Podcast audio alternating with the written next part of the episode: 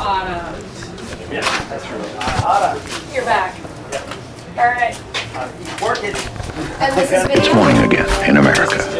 I want to say one thing. To I you. make this For me, what the networks give a few hours ago, networks take it away. this campaign came to an end. President of the United States. I, Joseph Robinette Biden, Will not make age an issue as this Senator, you're no campaign. Jack Kennedy. You're likable. I dream about Biden. This is a bunch of stuff. Look, here's the deal. Hei og velkommen til en ny spesialutgave av amerikansk politikk. Mitt navn er Are Togvold Flaten. I dag så skal du få høre fra en rekke presidentkandidater. Det de har til felles er at de er ukjente, og at de nok er glemt nokså snart. Du skal få høre fra talk radio-kjendisen Larry Elder, Miami-borgermester Francis Suárez, forretningsmannen Perry Johnson, pastoren og forretningsmannen Ryan Binkley og tidligere Arkansas-guvernør Asa Hutchinson. Det de også har til felles, er at de hadde god tid til amerikanskpolitikk.no.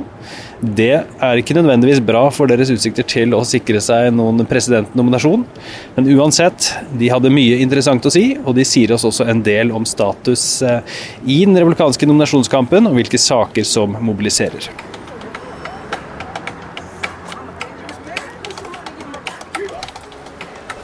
Før vi skal høre fra alle disse kandidatene, så skal vi høre fra Washington Posts Dan Baltz, en erfaren reporter som har dekka en haug med kampanjer. og Da er det nyttig å høre hvordan han oppsummerer det hele. How many campaigns in Iowa have you been covering? Um, everyone since 1980. So uh, I can't you- count the number. No. So how would you talk about this one? you know, there's often a front runner in these campaigns. Uh, you know, I'll take you back to ancient history. In 1984, Walter Mondale, uh, Norwegian, was the far and away front runner for the Democratic nomination. Won the Iowa caucuses by a significant margin, and the next week he lost in New Hampshire to Gary Hart, and they had a dogfight to the end. Uh, this one's different for all the obvious reasons, though, and that's because of President Trump. Trump has, as you know, has changed American politics in fundamental ways, and he is, you know, the dominant figure in the Republican Party, and he's, the, you know, in many ways, such a dominant figure in everybody's lives because he commands attention, uh, and he demands attention, and so this this Iowa campaign to me is very, very important because if he comes out of here with a head of steam, he's going to be very, very difficult to beat. So the question is, is there somebody who's going to be able to emerge and, you know, let's say Trump wins, but come close enough to make it a real battle? And I think that's what we're all kind of watching. And it's it's early. Um, historically, between now and you know the end of the year, there's ups and downs, and a candidate emerges and kind of fades. But uh, but the focus is so much on Trump. That, you know, he'll attract a huge crowd. I mean, he you know he, he knows he knows kind of modern media environment, and so. I don't think it's accidental that he's here on the same day that Governor DeSantis is being interviewed by Governor Reynolds. Uh, and so we'll see what Saturday afternoon looks like here, but it will be a spectacle. And how's your process for like covering a thing like this with smaller candidates and different events? And Well- how do you, how do you work it? Well, um, I, I- I think what I've always tried to do is get out here enough and watch candidates, not just at an event like this where there's a huge crowd, but in their kind of everyday campaigning, and to try to get a feel for who's registering and who isn't, who's connecting and who isn't. Um, obviously, I watch the polls like we all do, and, and they can be, you know, helpful or, or misleading, but uh, that's part of it. I like to try to talk to the candidates and their teams to understand what their theory of the case is. You know, how, how do they think they're going to be able to win, and then kind of measure that against what I see in terms of their campaign performance and their campaign success. And how, how would you talk about the, the GOP of 2023? The way Trump has, you know, formed and changed the party over the last cycles and Yeah, it's it's uh, it's it's such a different party today. Um, you know, there's still an element of kind of traditional conservative policy within the Republican Party, but it, it, it doesn't matter in the way that it did. Um, and Trump has managed to persuade a significant portion of the Republican Party of things that simply aren't true, i.e., the question of is President Biden legitimately elected? The majority say no. Um, so he's he's distorted the party, and the establishment, to the extent that you can define an establishment, has either been unable to change that, or uh, you know, almost cowardly in going after him. And I think we're seeing that play out in this nomination fight. All of the other candidates, with the exceptions of Chris Christie, Will Hurd, and Asa Hutchinson, everybody else is, they don't quite know where to come down on the issue of Trump. And Mike Pence is coming here later today. Yeah. Well, you know, he's made a clear break over January 6th. Uh, and he's kind of amped up that criticism, as you know. Um, but he's still he's still in a very awkward position. He wants to take credit for policies that happened during Trump, but he wants to separate from Trump. Uh, and um, so far, uh, he's so far he's so alienated the Trump constituency that he's got to find another part of the electorate to give him some, you know, some oomph. And so far he's not. But it's, you know, again, nobody has. Uh, and DeSantis has kind of, you know, gone downward. So. Skal jeg straks intervjue Ryan Binkley, presidentkandidat, pastor og businessmann fra Texas. Skal vi høre hva han har å si om hvorfor han stiller som republikansk presidentkandidat 2024. Have you heard him speak before? Or? Uh, just commercials. Yeah. So that's why you're here because you've seen this commercials, or? Uh, we're here trying to, to figure out, you know, which presidential candidate that we want to support. Looks like a good place to be. To do that. It is. Yeah. Have you experienced the Iowa State Fair yet? Yeah. Good. What do you like? Well, the food is good. Candidates are. You know, get into it. Okay. I'm Ryan Binkley, CEO of Generational Group from Dallas, Texas. I'm also senior pastor of Create Church. Uh, my wife and I have been married for 24 years. We have five kids, and so as a business owner, CEO of an investment banking firm, I see the trouble that we're in financially as a country, and I want to do something significant for the next generation. Uh, kids coming up after us, they're facing insurmountable inflation and likely one of the weakest economic foundations in our nation's history, or certainly in the last hundred years. Uh, we've got debt that's now $32 trillion a year, and it's on pace to be about 50 trillion in the next eight years. So if we don't do something to get it together, we're going to be in significant trouble. I really feel like we need an economic revival here in the United States. The average family today is spending $700 or more a month in expenses due to inflation alone than they were just two years ago. Wages have not caught up with that, won't catch up with it. And so we have to do some things we haven't done in 30 years, and that's balance the budget. So we want to put together an economic rescue plan to do just that. Uh, take some of our bigger spending issues and really navigate them through pruning, I'll call it, cutting some areas, freezing some areas, and investing in some areas as well. Because uh, we still have to have growth in this country, but also do some things that's going to impact the next generation. And that's start to cool inflation so they can have a stable economic environment. Can you tell us about your um, motto, believe? Yeah. You're a pastor, about your church? And... You know, one of the things that I see in our country, the division is so high. So we've seen this now really for probably about 20 something years. You know, it's been since 9 11 that our country has come together and really, I think, prayed together, thought we were one country again. And since the Iraq War to different divisive leadership uh, efforts by certain presidents, uh, we've grown further and further apart. Uh, a lot of people ask me, Ryan, how are we gonna how are we gonna bring this country together? And I, am saying it's going to take faith. It's going to take us doing something that we haven't done a long time, and that's trusting each other again. You know, I believe a lot of people disagree with each other on the right and the left, but we don't have to hate each other. We don't have to uh, vilify each other. It's going to be very hard for a president that's going to vilify somebody on Friday and say, "Hey, work with me on Monday." That doesn't work. So it's going to take us I think connecting to the hearts of Americans and connecting the heart of people, going, listen, we can disagree and respectfully disagree, but let's f- focus on some things together.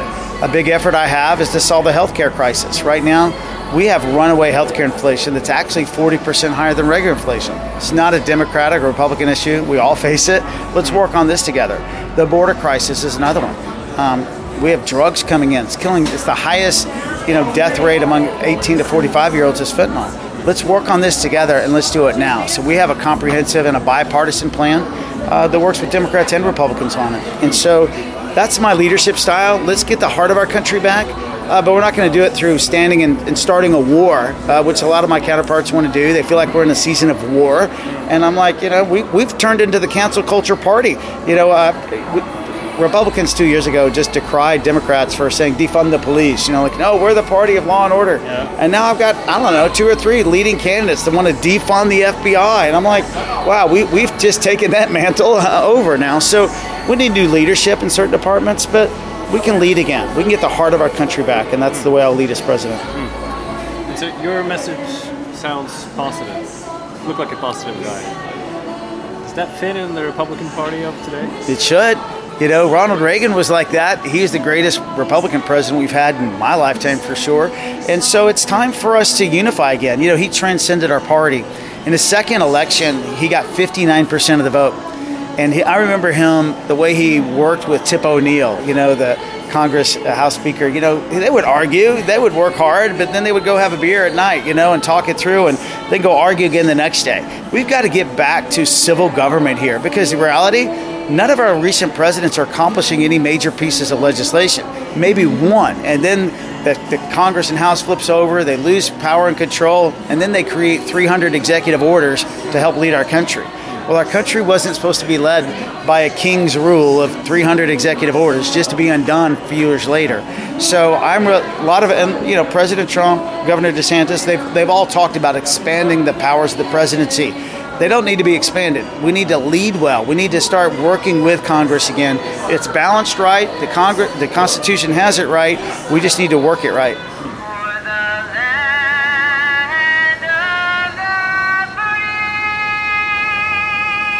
I became a friend of Larry Elder a year ago. Uh, I actually brought him to the here to the Iowa State Fair last year. We've been good friends since. I couldn't wait to welcome him back now as a presidential candidate to the Iowa State Fair. Uh, he just did a great event and interview with our governor Reynolds, which was my dad's lieutenant governor uh, back in, you know, when they were first elected in 2010.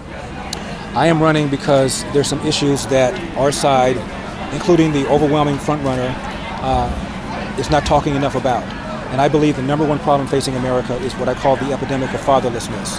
70% of black kids enter the world today without a father in the home married to the mother, up from 25% back in 1965. In fact, 25% of white kids now enter the world without a father in the home married to the mother. And the stats are clear. Even Barack Obama once quoted them. If you're raised without a father, you're five times more likely to be poor and commit crime nine times more likely to drop out of school, and 20 times more likely to end up in jail. What we've done since the mid 60s, a Democrat named Lyndon Johnson launched what he called the War on Poverty, and since then we've incentivized women to marry the government and incentivized men to abandon the financial and moral responsibility. The Democrats don't talk about it because they helped create the problem. Our side doesn't talk about it for fear of being called racist, or if you're black, for fear of being called, as the other Times called me, the black face of white supremacy.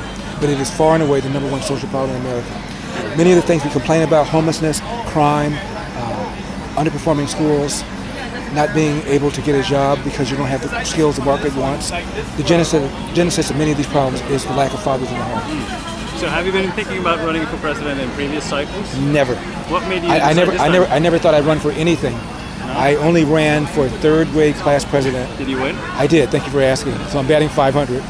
And then a lot of people I respect came to me during this recall election and with eight weeks left to go, I decided to throw my uh, hat in the ring. And I never ever thought I'd be the front runner. I was right away. I got three and a half million votes. California has 58 counties. I carried 57 to 58 counties. The only one I lost was San Francisco, and lost that by, wait for it, 149 votes. I raised more money than all the other 45 replacement candidates. There were 46 candidates to replace Gavin Newsom. I raised more, more money than all of them combined, $27 million in eight weeks. So it gave me confidence that I could do this. Yeah. And when I in, in at the race, I went to Key West to, to just chill out. And so many people came up to me and said, why don't you run for president? At first I said, are you nuts? And the more I thought about it, the more I thought, frankly, it would be easier to get elected president of, of America than to be elected statewide in California as a Republican, where no Republican has won statewide in 20 years. So how do you like Iowa? Love Iowa. Yeah. Love the people. People are down to earth. My mother was raised on a farm, Huntsville, Alabama. Mm-hmm. My dad was raised in Athens, Georgia. So I spent a lot of my summers in the South. Mm-hmm. And there's just something about Southerners. There is an honesty, a refreshing honesty, and a candor, and a lack of pretension that I like. Mm-hmm. Han satt på en benk alene og spiste, så jeg slo av en prat med Francis Suárez. I'm Mayor Francis Suarez. I was the president of all the mayors in the United States. And I'm running for president because I believe that my personality, my background, and my vision for the future are unique in solving America's generational problems. And I think we need a leader now that can transition from one generation to the next. I believe I'm that person. And I think that if given a chance to tell that story to the American people, they will as well. Hmm. So what's the most important issue for you in the, in the campaign? The, the most important, important issue policy wise right now is our runaway deficit, which is creating inflation and high interest rates. It's making the middle class and poor in our communities poor um, by squeezing them on both ends. The second thing is we have to uh, confront um, a generation worth of opportunities in the um, knowledge based economy. And I'm the only candidate that's positioned in a large ecosystem to do that. Um, and I think third, we have to prove as a democracy that we can solve big problems like immigration for the benefit of our country forever. And I think those are the three of the big things that um, uh, people are focused on right now the chaos at the border. Um, and uh, I know that I have the requisite skills, the background uh, to confront them successfully. Det var ikke mange som hadde noen spørsmål for eh, Perry Johnson. Jeg ga ham et spørsmål, til slutt så hadde han tårer i øynene. Naturally, the people that are involved in the industries I'm in, they all know me. But I'm a guy that always believed that if you had too much exposure, it engendered problems. And now I see that this country needs somebody like me. They need a person that has spent their life bringing efficiency and quality to companies. A CEO of a country. Now I have 80 companies. None of my companies have ever gone bankrupt. None of my companies have any debt. In fact, I have no personal debt. We operate and do business in 61 countries. And I'm a guy that started with nothing. In fact, I was getting eviction notices on a regular basis in grad school because I couldn't pay my rent. So we're talking about a true American because this is the heart of America. Aren't we an amazing country when you think about it? Because there has never been a more upwardly mobile society in the history of all humanity. And a person can come from nowhere and they can become president. Take a look at the history of our country. Whether you talk about the entrepreneurs of yesteryear or you talk about the presidents, we're in a situation now. I'm not picking on Democrats or Republicans. They're both spending too much money. Let's face it, in the last six years, we've gone from 20 trillion in debt to 33 trillion in debt. 13 trillion in six years. We have literally gone more in debt than any time in the history of the world anywhere. And yet we sit idly by and we have a budget that's going to increase our indebtedness even more. Does that make any sense? No. But we do have a country that always resurrects itself because we are truly amazing. Because, as my dad said, when you are born an American, anything is possible. Because we have a country unlike any country the world has ever known. And by golly, we are going to pull through. Because we always seem to pull through when we need to. And we've always done what we needed to, to always make sure this country stays the greatest country in the world. Give me one funny campaign moment on the trail, and you know, there's lots of them, right? There are, and most of them are humiliating. I joke that uh, voters have to humble someone before they ever will elect them.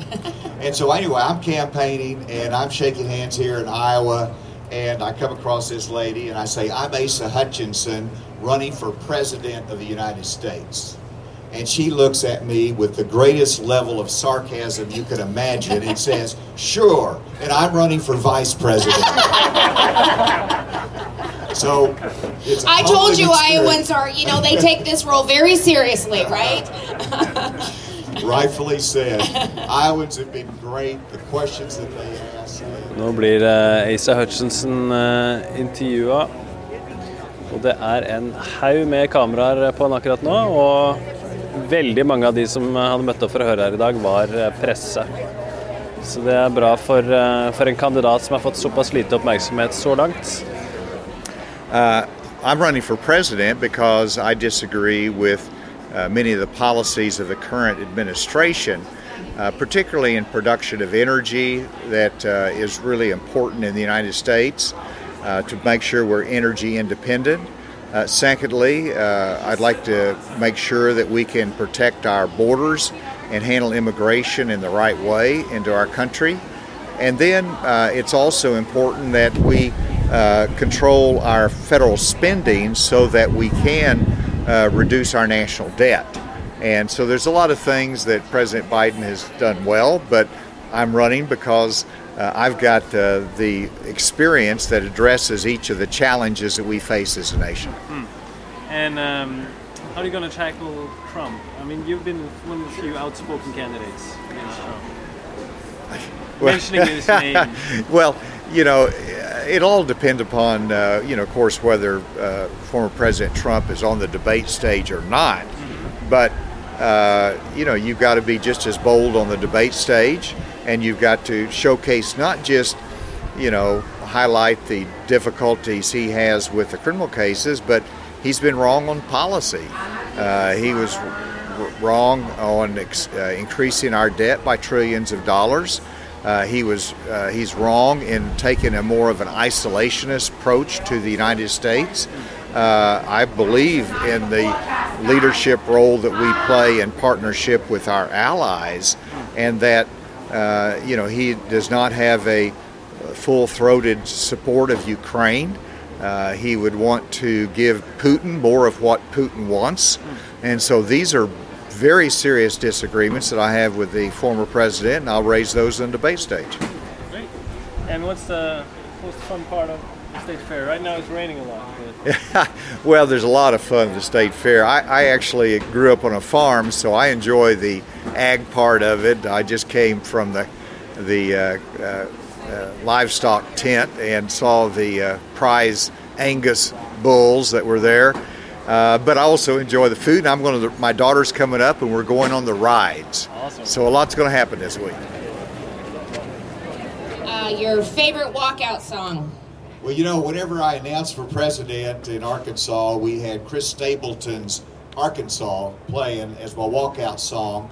But I'm going to switch and I want to do Wild Thing. wild Thing. Asa, you are so funny. and, and the reason is this is important. This is a symbol here. Okay. That that Wild Thing was the uh, theme song or the walkout song uh, in the movie uh, Major League. Remember that? Oh, Charlie yeah. Sheen played the, the player, and he was a little bit wild, but he was the closer. He was the closer pitcher, and they played Wild Thing. And so I'm the closer in this political campaign. I'm going to close out strong. I am really going to have to give more thought to a walkout song. I, I really, I, I'm not doing, I'm not doing it justice. There we Ladies